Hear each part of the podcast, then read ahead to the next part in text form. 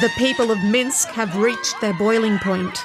Every single one of the people here marching today on the streets of Minsk is risking arrest, and they know it. These images from Nasha Niva show a moment in August when a policeman appears to deliberately shoot its reporter at close range. För ett och ett halvt år sedan spelade vi in en podd om situationen för journalister i Belarus. Då pratade vi med DN-journalisten Paul Hansen som greps av säkerhetspolis när han bevakade en av många regimkritiska demonstrationer. Upprinnelsen till protesten var att valet var riggat. Polisens svar blev brutalt. Demonstranter misshandlades, journalister greps. När vi spelade in den podden stod det fortfarande och vägde. Så är det inte idag. Nu har regimen övertagit. Oberoende journalister har tvingats lämna landet och många flydde till Ukraina. Men efter Rysslands invasion har de kommit ur askan i elden. Det här avsnittet, som spelas in i april 2022, handlar om de belarusiska journalister som flydde. Vad hände med dem? Jag heter Erik Larsson och det här är Pressfrihetspodden.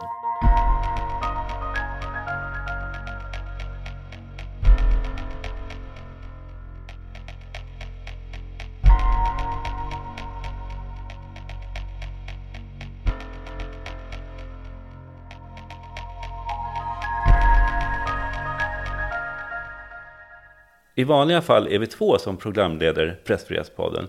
Men den här gången är jag själv. Min medpoddare, Siri Hill, sitter istället på gäststolen. Eftersom du har skrivit en rapport till Reporter utan gränser om läget för belarusiska exiljournalister som vi ska lansera nu. Och den här rapporten, det är den vi ska prata om idag. Men först Siri, hur känns det egentligen att ha transformerats från programledare till gäst? Ja, men det känns ju lite märkligt, lite ovant, men samtidigt också rätt skönt. Jag, jag litar på dig, Erik. Härligt. Du får komma med en eller jag får komma med en utvärdering sen hur du skötte sig, kanske man kan säga. Men eh, vi har även med oss en gäst till och det är Jon Fridholm från Östgruppen. Kan du, Jon, berätta kort, vad är Östgruppen för något? Ja, tack så mycket för att ni har bjudit in mig hit. Det känns kul att vara med. Eh, Östgruppen det är en människorättsorganisation som är fokuserad på Östeuropa. Främst Ryssland och Belarus och eh, Ukraina. Och vi har funnits i ja, ett 15-tal år tror jag. Jättekul att du kunde komma vara med idag. Eh, men nu till rapporten Belarus journalister i exil som du har skrivit Siri. Varför behövs den här rapporten egentligen? Det är ju tänker jag, flera anledningar till att den här rapporten kan vara viktig. Den handlar ju om de belarusiska journalisterna som har tvingats i exil på grund av repressionen i Belarus. Eh, det handlar om deras erfarenheter av att starta om i ett helt nytt land, som det är för många. Men framförallt så handlar det ju om deras förutsättningar att kunna fortsätta göra sitt jobb. Nämligen att rapportera om Belarus på distans. Och då både för en internationell publik, men också för en lokal publik i Belarus. Och där tänker jag att de här oberoende journalisterna har en väldigt stor och viktig funktion. Just att bidra med oberoende och opartisk information till eh, befolkningen i Belarus när de kanske behöver den som mest. Men sen jag skrev klart den här rapporten så har det brutit ut ett krig i Ukraina. Vilket har påverkat det säkerhetspolitiska läget i hela världen men kanske framför allt i Europa. Och eh, vi ser ju även nu en massflykt av journalister, både från Ukraina naturligtvis, men också från, från Ryssland. Så att jag tänker ju att den här rapporten och de rekommendationer som vi för fram i den också kan komma bli aktuella även i de fallen. Hur många journalister var det som flydde från Belarus? Eh, enligt eh, BAJ, Belarusian Association of Journalists, som eh, Reporter utan gränser har samarbetat med och samarbetar med, och som även jag har jobbat med också eh, inför den här rapporten, så var det 300 journalister som flydde från Belarus från augusti 2020 till och med oktober 2021.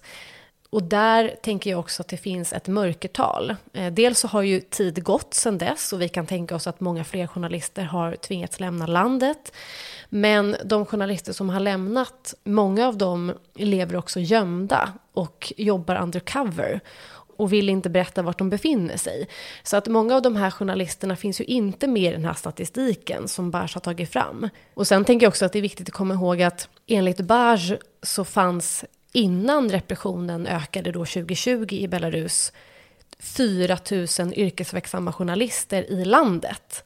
Och det är ett land som har en nästan lika stor befolkning som Sverige, där vi har långt många fler oberoende journalister. Eh, och dessutom så var 2000 av de här 4000 journalisterna verksamma inom statskontrollerad media. Så att man kan ju tänka sig då att om 300 eller fler av de oberoende journalisterna försvinner, vilka konsekvenser det får för den totala rapporteringen i Belarus. Mm, ett stort slag med andra ord. Men vilka länder var det de man flydde till då? Framförallt så har de flytt till Polen och Litauen. Men många har också tagit sig till Ukraina. Och eh, där har ju kriget och invasionen av Ukraina fått direkta konsekvenser för tre av de intervjupersonerna som jag har med i rapporten som har tvingats att fly ännu en gång. Så det har varit ett väldigt hårt slag för dem. Vi hör här, eh, Jon, jag tänkte på dig på den här gruppen här. Vi hör här hur Siri berättar om eh, journalister som har flytt. Är det så att journalister är mer utsatta än andra oppositionella i Belarus? Alltså, journalister är definitivt en av de eh, grupper som är eh, hårt utsatta. Men det finns ju flera. Civilsamhället är överlag också. Det oberoende civilsamhället är också en sån tydlig grupp.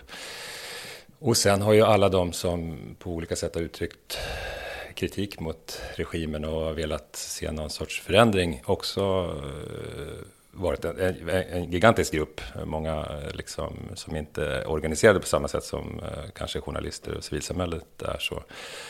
Och antalet politiska fångar är ju rekordhögt. Nu mm. i, i den här stunden så är det över 1100 stycken som är fängslade. Då.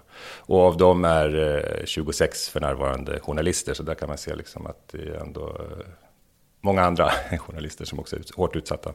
Men definitivt journalister hör till en av de utsatta grupperna. Du, du har ju läst den här rapporten eh, om belarusiska journalister i exil. Eh, vad är dina reflektioner? Vad, vad, tycker du om rapporten? Jag tycker att den är jättebra och viktig för den tar upp en fråga som också eh, angår Alltså den är ju viktig i sig eftersom journalisterna utför ett eh, väldigt viktigt arbete och deras överlevnad är, är centralt för för alla, internationellt och för belarusier. Men den reflekterar också situationen för andra grupper så att den, är liksom, den fångar någonting. Och det är lätt att man kanske glömmer bort den här verkligheten som människor som tvingas då lämna eh, står inför. Jag fastnar lite grann i de här, nej men, du gjorde ju flera djup, du gjorde tolv djupintervjuer med mm. olika journalister och, och, det är ju alltid spännande att höra alltså, människors rikt, riktiga liv, om människors riktiga liv och deras riktiga berättelse. Vad var det som fastnade, vilken berättelse fastnade mest hos dig?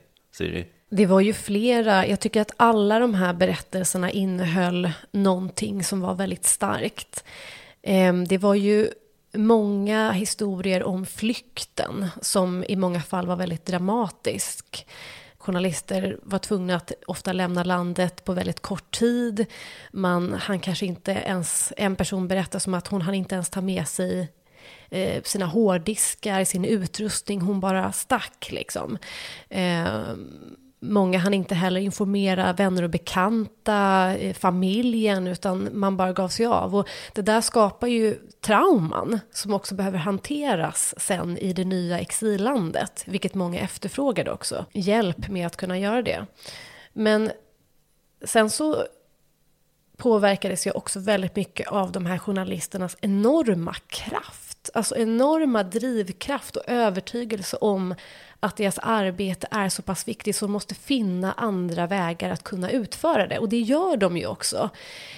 Eh, men vi skulle kunna lyssna på ett utdrag från en intervju som jag gjorde med en journalist som heter Tanja Kapitonova som just nu befinner sig i Polen. Och hon pratar väldigt mycket om det här med skam och skuld över att ha lämnat Belarus och liksom på något sätt känslan av att ha lämnat sina kollegor i sticket. Eh, och vi skulle kunna lyssna på ett utdrag ur den. For a long time I was um, victimizing myself for escaping. That was the most difficult, I would say. I was uh, asking myself every day, why did I leave? Uh, was it a paranoia or intuition. Maybe only after three, four months, I finally understood that um, I should not victim myself because it doesn't make anything better for myself, for my work, for anything. Um, though I know people who are still in Belarus, journalists, and they still um, do something, and I'm very impressed. In this situation, I feel that uh, my voice is uh, stolen again, and I would love to say something, but I, I'm not ready. And this constant feeling that uh, I can do more, but I do not do this. This, um, this uh, destroys me. Det förstör mig, säger Tanja Kapitonova. När jag hör det här så tänker jag liksom på alla människors självkänsla som krossas under krig, men också alla de här skuldkänslorna som på ett ganska galet sätt dyker upp. Eh, vad tänker du på Jon, när du hör den här berättelsen? Ja, nej, men jag tror att det är väldigt vanligt att man eh, känner en skuld för att man lämnar eh, landet och så. Och var, den här frågan som verkar förfölja henne också, var det nödvändigt och så. Många har ju också varit tvungna att ta det här beslutet i ett skede, också lite innan, för att förbereda sig för, för eh, det som har varit, alla sätt har varit sannolikt att det ska komma, så att säga. Och det har gällt både journalister och representanter för civila samhället. Så, där. så det har varit en överlevnadsstrategi för, för både redaktioner och för eh, organisationer, att man har flyttat ut i varje fall några liksom, som ska kunna fortsätta bedriva verksamheten och säkra den för framtiden. Mm. Jag, jag, tänkte på en sak här. Alltså, de hade en väldigt dålig situation i Belarus. De var tvungna att fly från Belarus. Många hamnar i Ukraina. Och nu, den situation som är där just nu med kriget som pågår. Det är ju verkligen liksom ur askan i elden. Hur eh, tänker du kring det, Siri? Vad har de som du har haft kontakt med sagt om det här? De är ju väldigt, väldigt oroliga. De är ju som egentligen alla i Europa väldigt oroliga för vad, som ska hända och vart det här kriget ska leda oss, vilka konsekvenser det ska få. Eh, och som sagt, det har ju också fått direkta konsekvenser för tre av de här journalisterna som jag har intervjuat som har ju först flytt då till Ukraina, försökt etablera sig i Kiev och sen kommer Rysslands invasion och de måste fly hals över huvud igen. Så att det är klart att det skapar enorm oro och fortsatta trauman som behöver hanteras då i nästa exilland. Mm. Eh, men de här journalisterna, många av dem som du har varit i kontakt med, de har ju ändå fortsatt att rapportera, fast inte från Belarus. De har fortsatt att rapportera om det politiska skeendet i Belarus. Hur, hur gör man det? Hur går det till? Exakt, och de, de fortsätter att rapportera. Eh, det finns väldigt stora utmaningar med att göra det såklart. Alltså hur rapporterar man om ett land på distans? Eh, men som jag sa tidigare så de har ju en enorm drivkraft och ur det kommer väldigt många nya innovativa idéer.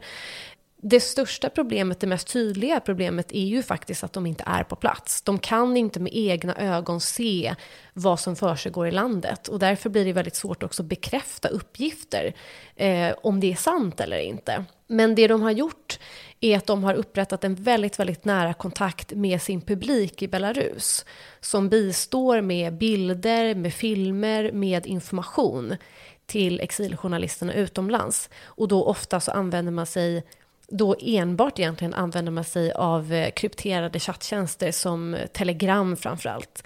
En journalist som jag pratade med eh, sa att eh, idag i Belarus så är mobiltelefonen och telegram liksom det främsta verktyget för yttrandefrihet och demokrati. Och det tycker jag är ganska talande att han säger på det sättet. Sen är det ju viktigt att komma ihåg att eh, det är långt ifrån riskfritt att som privatperson bidra med information till de här oberoende belarusiska medierna. Flera av de här medierna har extremistklassats av den belarusiska regimen, vilket innebär att de dels är olagliga, men det innebär också att personer som på något sätt samarbetar med dem kan dömas till fängelse bara om man följer en telegramkanal som drivs av ett oberoende extremistklassat medie så kan man dömas till fängelse i upp till två år. Och eh, under 2021 så extremistklassades 13 belarusiska oberoende medier av regimen. Jag tänker på en sak, det, måste ju ändå vara lite problematiskt för det är ju många andrahandskällor som man måste förlita sig på då i sin mm. rapportering. Hur, hur hanterar man det? Kom de in på det på någonting? Det handlar om att dubbel och trippel och kvadruppelkolla eh, den information som man får. Det har också förekommit eh, situationer där belarusisk säkerhetspolis har planterat fejkade nyheter just bara i syfte för att eh, belarusiska oberoende medier ska plocka upp det och på så sätt då skada deras trovärdighet. Så att det ställs enorma krav på källkritiken i de här situationerna. Ja, vad säger du Jon? Hur, hur hanterar man en sån situation liksom med ja, rapportering? Alltså det, de här? det är jättesvårt. Mitt intryck av belarusiska journalister överlag i den oberoende sektorn så att säga, att de är väldigt professionella så. Men man hamnar utanför landet är såklart en extra utmaning. Det, det, det är svårt om, om man också förlorar perspektivet på saker och ting. Men det som är intressant är också att det här är 300 av, av ett par tusen journalister. Så det finns många journalister kvar i Belarus och där är det liksom, har det blivit väldigt eh, problematiskt för dem att arbeta öppet. Men i den här dynamiken då man har delar av sin redaktion utanför landet och delar i landet.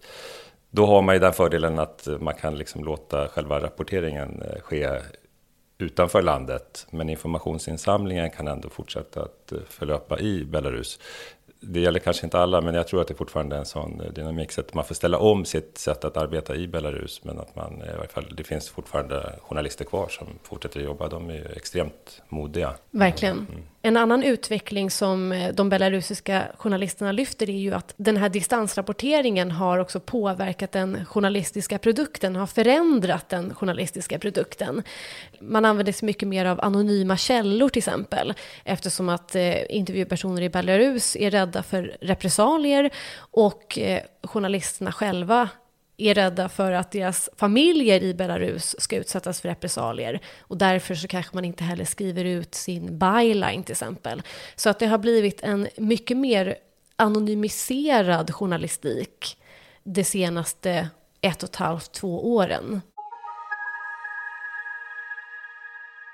Jag tänkte på en sak Jon, om du tittar på, du har ju van att titta på stora delar av Östeuropa, liksom från något makroperspektiv kan man säga. Som om du skulle reflektera lite grann över vad som har hänt med journalistiken där, dels det senaste året, men också lite grann efter kriget, hur det har påverkats dels i Belarus men även i länderna runt omkring, som Ukraina då givetvis också om det. Ja, alltså det är ju en stor och svår fråga. Det är, så, det är liksom eh, en dynamik i den här regionen där allting är avhängigt av varandra och det, det förstår man i de här tre länderna. Men eh, villkoren är ändå extremt olika och det är, det är ganska spännande. Det ser helt annorlunda ut, verkligheten i Ryssland, i Belarus och i Ukraina. I Ukraina är, är, finns det liksom inget, inga formella hinder att rapportera om någonting. Så att säga. Utmaningarna där är väl, har ju varit och är av ett helt annat slag. Så i Belarus så, har det, så var det en lång period där eh, efter det här kriget som har startat nu har ju en förhistoria, en åttaårig historia sedan 2014. Mm. Och redan där så var ju det någonting som skakade om det belarusiska samhället för att man insåg då att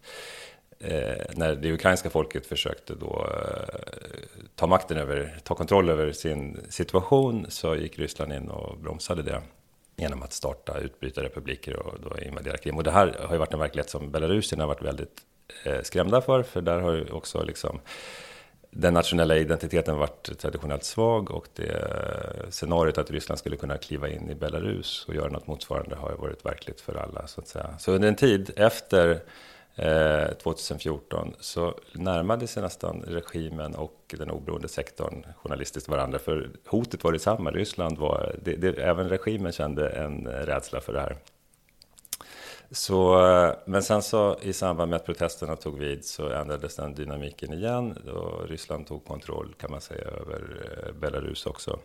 Och eh, sen dess så, så, så är verkligheten helt annorlunda. Det, det är snabba skiften och eh, allt hänger samman, men det, det, är snabba skiften och eh, verkligheten förändras ständigt. Det är jättesvårt för, för människor och för journalister att anpassa sig efter de snabba omställningarna. Dessutom är det så många kriser som läggs på varandra såklart, så det blir ju väldigt svårt att hantera det för alla. Men ja, det finns mycket att säga om, eh, om den här frågan såklart. Mm. Men eh, efter krigets utbrott då, vad har hänt, hänt då? Jag tänker även i, i Ryssland har vi ju sett flera rapporter om hur tidningar som har tystats och journalister som riskerar fängelse om man kallar ett krig för ett krig. Alltså, om du skulle kunna ge någon bild över det som har hänt efter den 24 februari? Det har ju en förhistoria också. Det spekuleras ju lite grann kring om den här, liksom det har funnits en, en långsiktig plan och det här kanske inte var någonting eh, spontant. Det var det ju, spontant var det ju inte, men att det, det har funnits ändå en plan för det här och att en förberedelse i det ryska samhället där man långsamt under ett, två år tillbaka har långsamt släckt den här oberoende journalistiken som har funnits i Ryssland. Och sen efter krigsutbrottet så har det gått extremt snabbt. Så ja, eh, alltså man, närmar sig den verklighet som Belarusien har befunnit sig i redan en tid i, i, Ryssland. Eller man är väl där kanske man kan säga. Men det är svårt också eftersom det går så fort så är det svårt att bedöma precis hur det ser ut. Det finns ju fortfarande, både i Belarus och i Ryssland finns det fortfarande oberoende medier kvar. Det, men de är ju så hårt trängda och självcensuren är så eh, närvarande och stark om man ska kunna fortsätta. Ja Nova Gazeta som var det sista liksom, stora flaggposten la ju ner sin verksamhet i Ryssland nyligen här också. Så. Jag tänkte, Siri, du har ju intervjuat flera journalister som har berättat lite grann om hur de jobbar och vilka utmaningar som det är. Kan du berätta lite mer? Mm. Bland annat så intervjuade jag en journalist som heter Natalia Lubnevskaja som nu befinner sig i Vilnius i Litauen. Och eh, hon tog just upp det här med hur distansrapporteringen blir ett problem eftersom att de inte kan rapportera om vissa ämnen. Eh, till exempel så upplevde hon att det är ett stort problem att eh, rapportera om frågor som kanske rör en viss mindre stad i Belarus där man inte har lika stor publik då som kan bidra med information. Och vi skulle kunna lyssna på vad hon sa om det. We have uh, our audience in Belarus who helped us uh, with some photos uh, or who can uh, talk to us and to tell what has happened. It's a great help for us abroad. But um, a problem, of course, that uh, we can uh, write about some themes, uh, some topics, because if we're in the city or in the country, uh, we can go to a place or something else and um, uh, to see if it is a truth what we heard or not. Uh, now sometimes it's difficult even with the help of audience. So we are not to do some topics because we are not uh, uh, not sure that uh, the news we hold uh, are the objective and uh, this is true Och det här, det här gör ju då, som Natalia beskriver, det här gör ju att eh, det, det blir helt enkelt vita fläckar på kartan i Belarus, där man inte, man kan inte helt enkelt rapportera om det som händer där. Det handlar dels om att det finns svårigheter i att bevaka lokalt förankrade frågor i Belarus, där man inte har så stor publik. Men det handlar också om att det finns svårigheter i att berätta de här personliga historierna eftersom att många människor i Belarus är rädda för att uttrycka sig eh, eftersom att de är oroliga för repressalier och hot och till och med att bli gripna. Så man förlorar också lite de här, de här personliga berättelserna enligt Natalia Lubenskaja. Mm. Eh, Siri, i din rapport så utgick du från statistik från det belarusiska oberoende journalistförbundet, Bach, the Belarusian Association of Journalists. Och framförallt utgick du från en enkät som de har gjort bland sina medlemmar som har tvingats i exil. Och de fick svara på frågor om hur de uppfattar sin situation. Och en tredjedel uppgav att det såg avsaknad av ett journalistiskt sammanhang som ett stort problem. Och lika många hade svårt att få medicinsk vård och det fanns en rad andra problem också. Kan du berätta lite mer om deras situation i exil? Mm. Eh, det är ju som du säger, det finns ju en eh, lång, man kan göra listan lång på de utmaningar som de, som de upplever i det nya landet. Men eh, Någonting som många pratade om var ju just den här frågan om försörjning.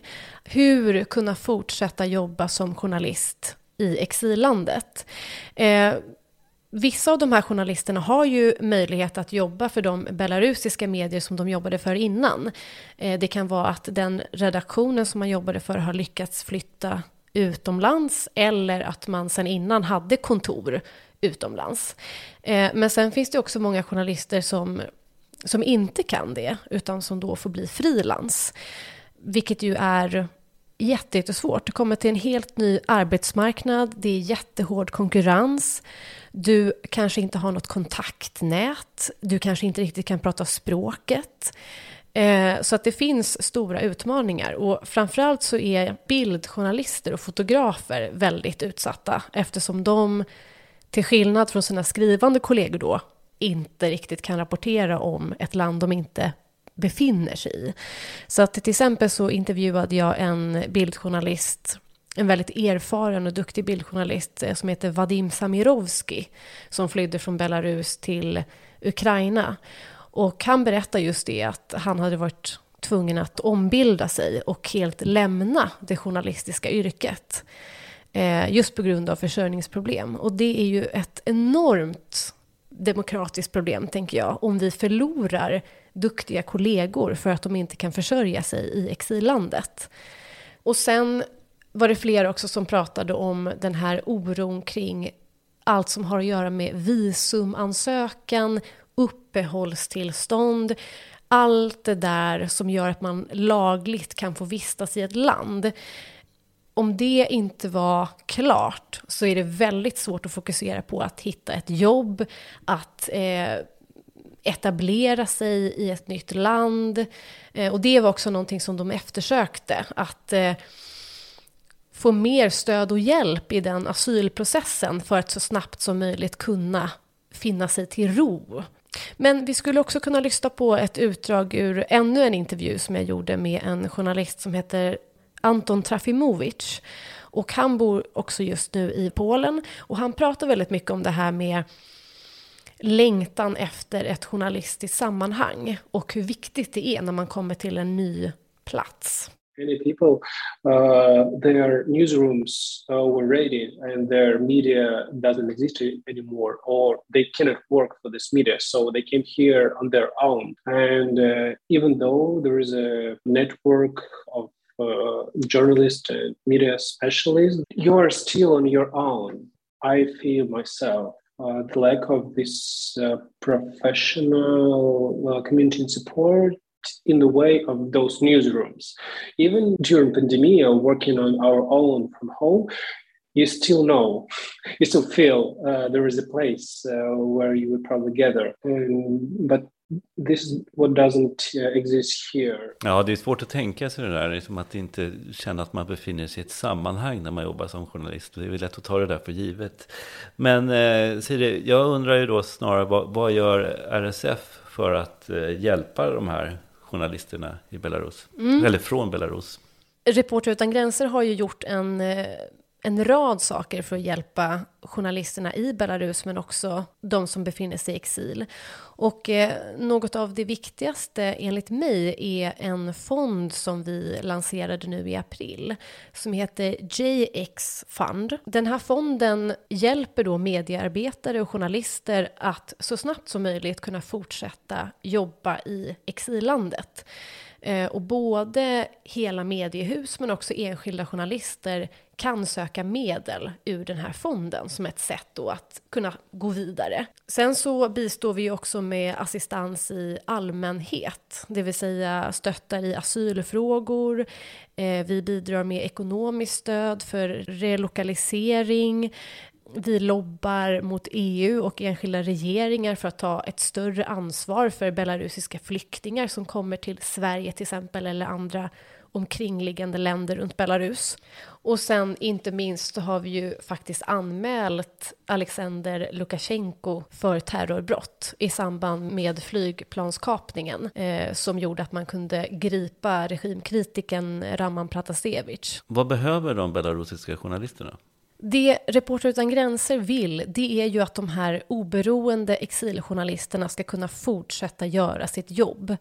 Och det för att vi helt enkelt inte ska få en situation där Belarus eller Ryssland eller Ukraina för den delen blir obevakat på grund av att journalister har behövt fly. Och för att kunna göra det här så har vi skrivit ett antal rekommendationer som finns i den här rapporten de behöver hjälp när det kommer till uppehållstillstånd. De behöver psykologiskt stöd och medicinsk hjälp. De behöver ekonomisk hjälp. De behöver juridiskt stöd. Och journalisterna själva uttrycker att de vill att det ska finnas ett fortsatt stöd för Belarusian Association of Journalists som har upplösts av belarusiska myndigheter så att de ska kunna fortsätta sitt arbete för oberoende journalister i landet och i exil. De vill också att vi ska ta varje tillfälle i akt och uppmana den belarusiska regimen att upphöra med att fängsla och trakassera journalister. Mm. Siri Hill. Mm. Du har skrivit den här rapporten, du har berättat, du har tagit reda på hur eh, de belarusiska journalisterna har exil. Du har pratat med dem hur de rapporterar och fortfarande jobb, försöker jobba och rapportera om läget i Belarus. Men det jag undrar egentligen, det är när man gör ett sånt här omfattande arbete som du har gjort så har man ju massa tankar som skvalpar runt i huvudet. Någonting som man kanske tar med sig som man inte får in i rapporten? Vad är, vad är det du inte har skrivit som du tänker på mycket? Vilken rolig fråga. Um, svår. Det känns härligt att ha dig gäststudion. Ja. det är bara att vänja sig. Men en sak som jag tycker är spännande som en journalist tog upp, vilket är anledningen också till att jag inte riktigt tog med det i rapporten, för det var en persons tankar, eh, kanske inte riktigt symptomatiskt för resten. Men det är det här, vad som händer med en som människa och som journalist när ens hemland blir attackerat på något sätt. Hon berättade att det är svårt för henne i den här situationen att vara opartisk, att vara oberoende. Därför att man har ett så nära band till det som händer. Och det där tycker jag var en väldigt spännande diskussion. Eh, just den här problematiken, kan man vara oberoende journalist i en sån situation? Ehm, eller blir man mer en aktivist? Och vilka konsekvenser får det? Vad nästan, tänker ni om det? Jag får nästan rysningar när du säger det så här. För att det här kanske är ett ämne för en kommande podd. För att jag tror precis som du att det, jag tycker också man ser i rapporteringen från eh, en del av reportrarna i ukrainska reportrar som ganska tydligt tar, tar ställning. Och det är ju inte konstigt på något sätt mänskligt. Men det är ändå ett väldigt intressant hur oberoendet påverkar. Men vad tänker du? Jo, men jag tycker också att det är, det är en jätteviktig dimension. Jag tycker att eh, belarusier har, eller belarusiska journalister har hanterat det liksom bra. Det märker jag nu också, även eh, journalister i exil under seminarier och annat, så är det en viktig fråga att, att man tar upp det, att man måste liksom bevara professionalismen i sitt eh, yrkesutövande. Och all, jag, jag, tycker att jag ser en medvetenhet eh, kring det. För annars är det just lätt att man hamnar i exil och man ser, det blir, världen blir mer svartvit och man missar de här nyanserna och man blir en aktivist eh, och så. Men det, det är också slutet för en bra journalistik när, när den gränsen passeras. Och det tycker jag folk är medvetna om som sagt. Eh, I Ukraina är situationen då annorlunda för ukrainska journalister. Då det här kriget sätter igång massa processer som man inte riktigt liksom ja, det, det, går så snabbt och det är så starka känslor såklart involverade så att det är svårt att, att helt eh, värja sig såklart. Så, så det är en stor utmaning där också och det är blandat med, med, med massa andra utmaningar som ett krig skapar med tillgång till information och massa olika propagandainsatser från, från olika håll. Får jag bara säga en sak som jag skulle vilja? Ja, ja nej, men jag, apropå det här vad man kan göra, tänker jag också att det för i krigets skugga nu så fortsätter repressionen i Belarus och också även mot eh, belarusiska journalister som är kvar i, i Belarus. Och eh, det som händer är liksom att det tillkommer nya också eh, anklagelser för de som redan är fängslade, politiska fångar. Och det, jag tycker det är väldigt viktigt att vi fortsätter uppmärk att vi liksom uthålliga nog att fortsätta uppmärksamma det som sker där också i Belarus så att vi visar solidaritet. För det kan man glömma bort, men det är en väldigt viktig eh, faktor att, att man känner sig sedd eh, där inne. Och det, liksom, det sipprar in även in i fängelser där folk sitter fängslade. Om man helt glöms bort så, så blir ensamheten så enorm. Vi måste komma ihåg dem, det var det jag ville säga. Det börjar bli dags att avrunda det här samtalet. Stort tack till dig Jon Fridholm från Östgruppen. Tack för att du var med. Tack så mycket för att jag fick vara med. Stort tack till dig också Siri Hill. Och framförallt tack för din rapport. eh, Belarus journalister i exil som nu finns att ta del av på Reporter utan gränsers hemsida. Tack. Om ni vill veta mer om läget för journalister i Ukraina kan ni lyssna på det förra avsnittet av Pressfrihetspodden. Det kom ut för en månad sedan och där pratar vi bland annat med Sveriges Radio Östersjökorre Lubna Elshanti som är på plats i Ukraina. Om ni gillar det ni hör, dela gärna avsnittet med en vän. Ni hittar oss där poddar finns.